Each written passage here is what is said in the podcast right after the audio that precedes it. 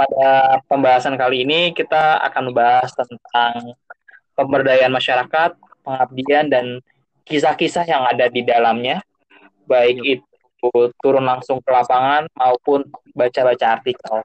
Nah, pada kali ini kita akan diskusi langsung uh, dari salah satu penggiat atau aktivis juga di salah satu pemberdayaan masyarakat di bidang pendidikan yang pernah terjun langsung di Lebak Banten dan salah satu aktivis atau lembaga yang dibawanya adalah dari Sobat Mengajar Indonesia dengan saudara Fakih Mahendra.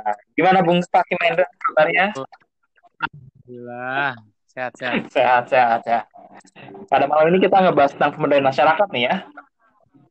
Oke. Kita bisa ya. ngomong ngalor hindur lah ya pembahasan pemberdayaan masyarakat.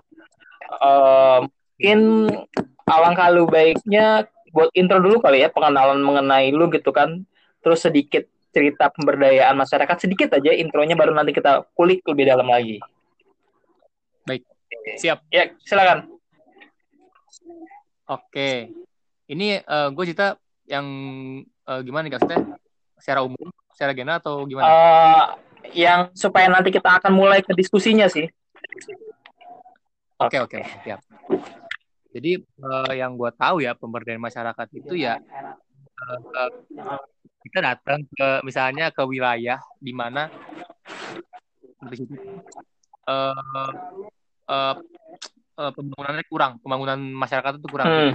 Jadi sumber sumber daya uh, kurang situ. Jadi uh, kelompok masuk atau mungkin sendiri itu uh, tersebut memberikan istilahnya memberikan pengetahuan yang dia punya biar masyarakat di situ lebih baik lagi mempunyai progres untuk ke depannya gitu uh, membangun dirinya membangun kampungnya segala macam gitu. Oke. Oke.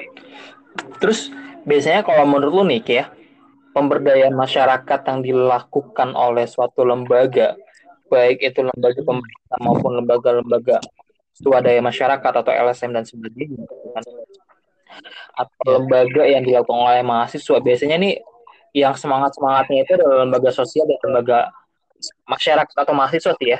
Nah, iya. pemberdayaan pemberdayaan dilakukan oleh mereka semua kira-kira sudah tepat sasaran kah atau sudah sustainable berkelanjutan? Oke. Yang gue tahu ya, uh. yang dari kampus gue nih dari UIN, uh -huh. yang gue tahu untuk uh, KKN-KKN sebelumnya itu, ini kita ngomongin uh, masyarakat, berarti kita ngomongin KKN kan? Iya. Yeah. Uh, kuliah ke kampus lah segala macam. Salah satunya. Jadi. Halo halo. Iya. Yeah. gua pengalaman hmm? itu yang gue dengar KKN UIN itu kalau menurut gue nih ya KKN UIN itu sebelum sebelumnya itu belum oh, uh, tepat sasaran kak. Kenapa? Ya kenapa karena uh, penempatan wilayah itu masih kurang, masih kurang cocok, masih kurang masuk kriteria untuk yang harus hmm. diberdayakan masyarakatnya gitu loh. Contohnya misalnya cutting gua ada yang KKN uh, di, de hmm. depannya itu ada Indomaretnya gangnya gitu terus uh, eh, KKN di, masih yang istilahnya masih yeah. terjangkau di kota-kota besar lah masih bisa terjangkau lah gitu kan uh, tapi balik lagi sih balik lagi ke tujuannya gimana. Uh, balik lagi ke masyarakat juga gimana. Mungkin uh, di situ bisa uh, apa ya uh, mengulik lagi gitu mengulik masyarakat itu apa yang kurang apa yang uh, uh, apa yang mereka butuhkan. Kalau misalnya ekonomi mereka udah bisa cari karena dekat kota besar terus kalau misalnya situ juga udah baik udah bagus udah ada puskesmas udah ada segala macemnya fasilitas fasilitas umum itu udah lengkap. Jadi mungkin uh, mahasiswa itu bisa uh, mencari lagi tuh kategori-kategori apa yang harus di, bisa diangkat dari situ. Misalnya um, masyarakat itu oh, mohon maaf contohnya misalnya masih nggak uh, punya apa kasar itu moralnya hmm. tuh masih masih buruk lah segala macam terus untuk uh, apa namanya berkomunikasi sama uh, orang buruk lah terus misalnya kampung itu terkenal ah, kampung ah. maling segala macam nah bisa di situ oh, pemberdayaan okay. gitu tapi kalau misalnya terkhusus gue lebih uh, pemberdayaan masyarakat itu uh, mungkin emang di daerah-daerah yang benar-benar membutuhkan seperti yang kemarin gue itu yang pengalaman gue di Lebak itu gue memang sangat sangat membutuhkan di sana itu sangat membutuhkan mahasiswa.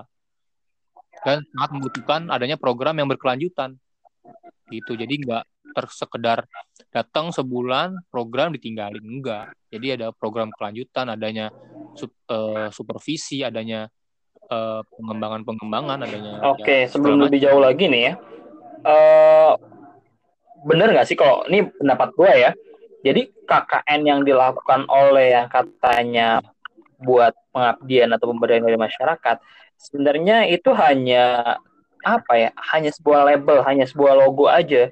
Tapi pada faktanya adalah sebenarnya kebanyakan nggak kebanyakan ya nggak seluruhnya kebanyakan uh, itu hanya untuk mengejar nilai hanya sekedar sebagai formalitas mereka melaksanakan itu sebagai mahasiswa. Apalagi ditambah dengan semua ya. dicampur dicampur dengan ragam berbeda dengan tujuan yang berbeda. Ada yang mendapatkan nilai ada yang ingin pengabdian jadi nggak jadi satu. Beda dengan misalkan teman-teman mahasiswa yang sama-sama tergabung di suatu apa UKM UKM yang memang penggiat sosial penggiat pemberdayaan yang mereka melakukan pemberdayaan ya mereka memang sungguh-sungguh. Kayak gitu sih. Jadi Mm-hmm. Jadi memang apa ya kalau okay. ngomongin pemberdayaan itu memang sangat menarik tapi ya benar kata lu juga tadi gitu kan ada aspek-aspek memang kalau bisa kita ngomongin KKN ada yang memang sudah maju dan sebagainya kita cari celah-celahnya tapi kebanyakan lagu ujung-ujungnya ya itu hanya sekedar nilai formalitas dan sebagainya uh, oke okay. berarti memang balik lagi sih ke iya, mahasiswanya itu ke manusianya itu sih kak tapi ini tapi nih ya, kalau misalnya kita ngikutin Tridharma perguruan tinggi kan, yeah. aku lupa pemberdayaan, uh, uh. sama pendidikan kan.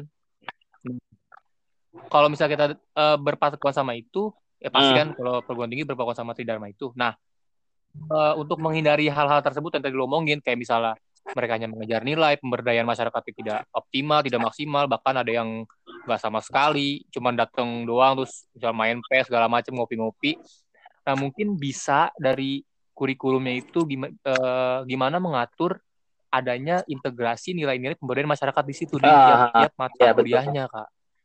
Gitu. Kalau hmm. begitu ada dikit dikit lah misalnya.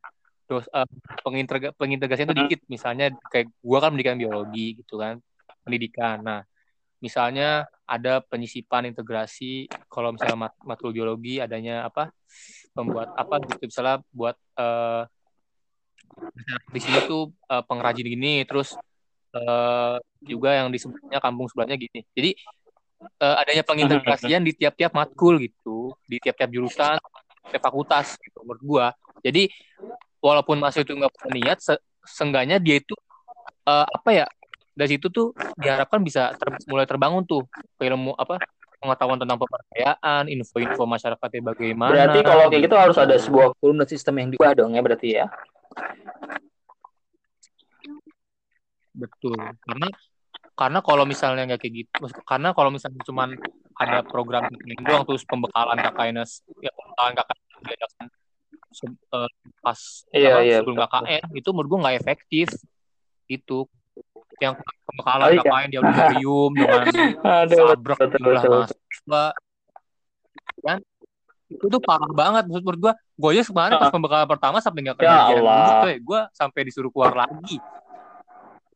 Maksudnya uh, ya uh, harus sadar lah uh, kampus tuh.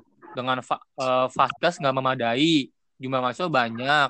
Pembekalan KKN sistemnya seperti itu. Apakah nggak mau ada perubahan dari uh, kampus segala macem? Itu maksudnya harus menyesuaikan juga mungkin dari pihak-pihak atasan atas pihak-pihak atas lah yang kebijakan-kebijakan gitu maksud gua. Dan dari mahasiswa juga seharusnya ya mereka pun sadar karena mahasiswa itu uh, apa pemberdayaan masyarakat gitu. Jadi inilah sebagai apa namanya ibaratnya sebagai serdadunya maksud itu sebagai sadar untuk oke oke oke kebudayaan masyarakat. Uh, gue punya pembahasan menarik lagi. Kita lepaskan dunia dari kampus, kita masuk ke yang real-real yang kita pernah kita rasakan ya. Hmm, Pertanyaan-pertanyaan paling sederhana sih ya. Nah, itu. Uh, mulai kapan atau kenapa lu sudah mulai suka dengan namanya pemberdayaan masyarakat?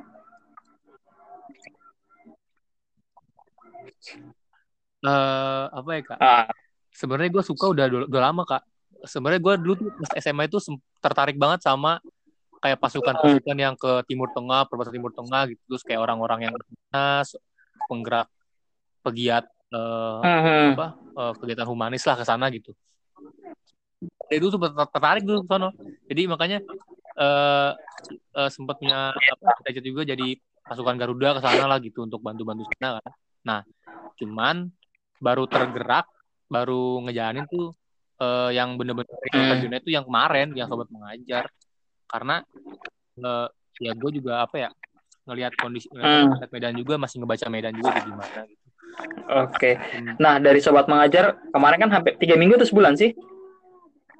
Tiga minggu ya, baru tiga minggu ke sana turun minggu. langsung dengan medan yang seperti itu. Sebelum turun langsung ke sana atau belum sebelum pertama kali observasi, apa yang lu bayangin terhadap pengabdian? Eh, konteksnya lu sih sebenarnya sobat mengajar ya. Sebenarnya lu pada pendidikan, oke kita ya kita nanti bahas sedikit lah ya ke mana aja gitu kan. Nah, sebelum lu terjun ke sana, terus lu melakukan pendidikan di Iya. sana, bayangan lu sebelum itu semua gimana? Bayangan gue bakal apa ya bakal wah bakal repot banget nih. Ah, Pasti kan kalau pengabdian apa harus mandiri segala macem kan. Ya harus butuh adaptasi segala macem. Tapi alhamdulillahnya gue bisa ya cepet lah adaptasi sama itu gitu. Maksudnya gue hmm, karena gue juga orang prinsip gue juga enjoy santuy kan, gitu. Jadi ya udahlah enjoy, apa gue jalanin aja gitu kan. Dan mungkin eh, pandangan gue mungkin kayak menerima nah, ini sikap-sikap gue ke masyarakat bagaimana ya bakal bisa diterima? Nggak semuanya gitu. Perkataan gue terus apa namanya sifat-sifat gue yang misalnya kan gue takutnya nih gue kan di kota nanti gue takutnya ngebawa apa pengaruh buruk ke sana ngebawa sikap-sikap buruk tapi alhamdulillah enggak. Maksudnya bisa mengontrol lah apa yang tepat Terus yang lu bayangin tentang pemberdayaan masyarakat itu sebenarnya lu ingin mengubah suatu yang lu tadinya dari ke kota ke desa. Eh, intinya gini, pemberdayaan masyarakat. Lu datang dari kota ke desa dengan kedalaman, eh, terdapat tinggal. Konsep lu itu tentang pemberdayaan, pengen mengubah sesuatu A menjadi B, menjadi lebih baik atau gimana sebenarnya? Eh enggak kalau gua Hmm, bisa kalau gua enggak kayak gitu Eh, ya. kita nggak kita nggak boleh ngerubah apa yang udah ada di situ kita nggak boleh eh, Iya. mengatakan oh ini budaya kamu salah oh ini cara kamu salah enggak Mas kita harus bisa mengembangkan lagi dengan budaya mereka dengan cara mereka seperti kayak men- mengembangkan Hmm. biar nilainya lebih tinggi lagi lebih naik lagi di mata di mata dunia lah kita bisa karena kalau kita ngebawa, ngebawa perubahan misalnya Hmm. kita harus ngebawa kota ke desa nih ya itu salah kalau namanya Eh, itu bukan saya namanya kita kita eh, budaya mereka lah ngobrol-ngabrik ngacak-ngacak apa sistem mereka yang udah mereka bangun segala macem gitu jadi masyarakat ini ya kita apa eh, yang udah mereka punya budaya mereka yang udah mereka punya sistem yang udah mereka punya kita apa, kita build lagi kita olah lagi supaya nilainya lebih naik lagi gitu. Oke. Terus pemberdayaan kalau misalnya dari aspek pendidikan itu lu memberikan suatu pembelajaran atau seperti apa? Hmm. Eh, iya, kalau pendidikan itu ya pasti kita memberikan pembelajaran ya, karena eh, memang mohon maaf anak-anak di sana itu Hmm. ya bisa dibilang terbelakang lah pendidikannya.